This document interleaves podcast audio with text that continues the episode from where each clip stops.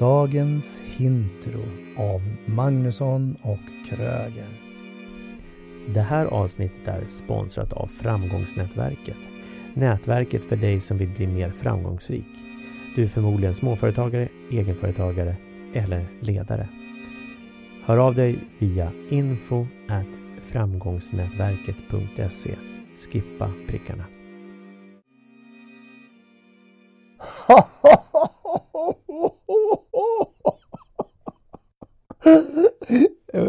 Är det inte underbart att bara få skratta lite? Ja, speciellt när jag ser dig hålla för munnen samtidigt som du försöker skratta för att Ja, det inte ska låta i mikrofonen. Exakt, för jag vill inte skrika in i mikrofonen. Men så tänker jag så här.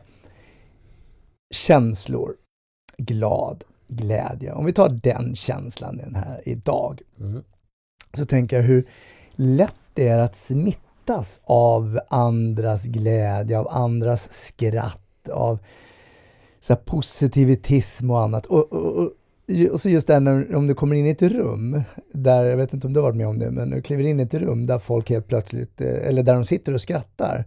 Och så kommer du in som ett halvt ufo och inte fattar ens vad de skrattar åt. Men efter några, kanske bara sekunder där, så kommer du också börja skratta och skrattar utan att veta varför du skrattar. Är inte det fascinerande? Mm. Jag skulle ju skratta för att du eh, följer med.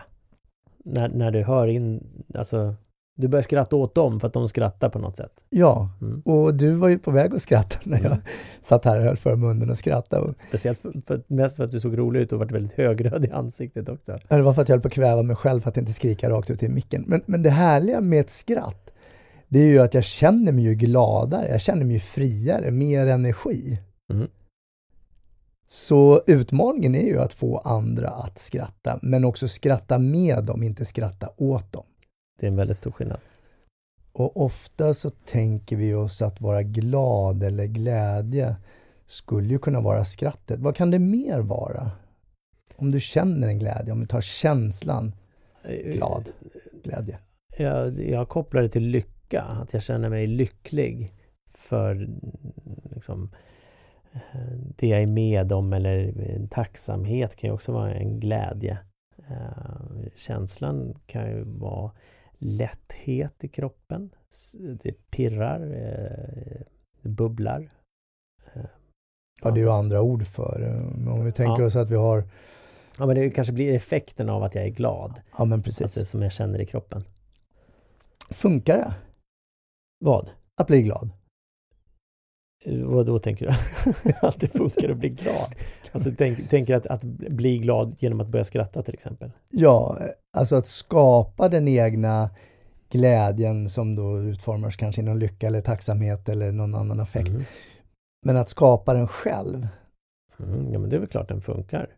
För det är väl bara att titta på om, om, om jag är ledsen och sen så börjar jag titta på en film, en komedifilm som jag börjar skratta åt eller jag kanske tittar på kattungar och tycker nu, om jag, om jag nu tycker det är kul på Youtube och skrattar åt det. Eh, då har jag ju börjat fokusera på något annat och jag börjar ju också producera eh, hormoner som, som är mera eh, liksom positiva. Ska jag säga. Så att ja, det funkar. Jag tänker också musik är ju kopplat mycket till känslor, eller känslor av musik kan vi väl också säga. Eh, Så musik är ju väldigt bra sätt om, om du nu skulle icke känna dig glad eller glädje att ha någon eh, uppåt eh, piffig musikstycke som du känner wow, det här, det här gör mig glad eller lycklig eller harmonisk, vad du nu vill då, eller Mm. tacksam. Eller vad det nu är för känslor du är ute efter. Mm, och i det här fallet pratar vi ju om glad. Och någon gång så brukar jag ju säga också Fake it until you make it. Mm. En del människor har ju tendens att vakna sura och, och tycka att dagen går åt hmm, hmm, fanders. Och det måste ju vara ganska jobbigt tillstånd att gå runt och tycka att livet suger. Mm. Om du nu väl tittar i spegeln, varför inte bara fake it until you make it? Dra upp smilbanden, träna på att se glad ut. Mm. Det är inte så att du kanske med automatik blir glad för den sakens skull, men om du tränar om och om och om och om igen så kanske du hittar glädjen. Mm.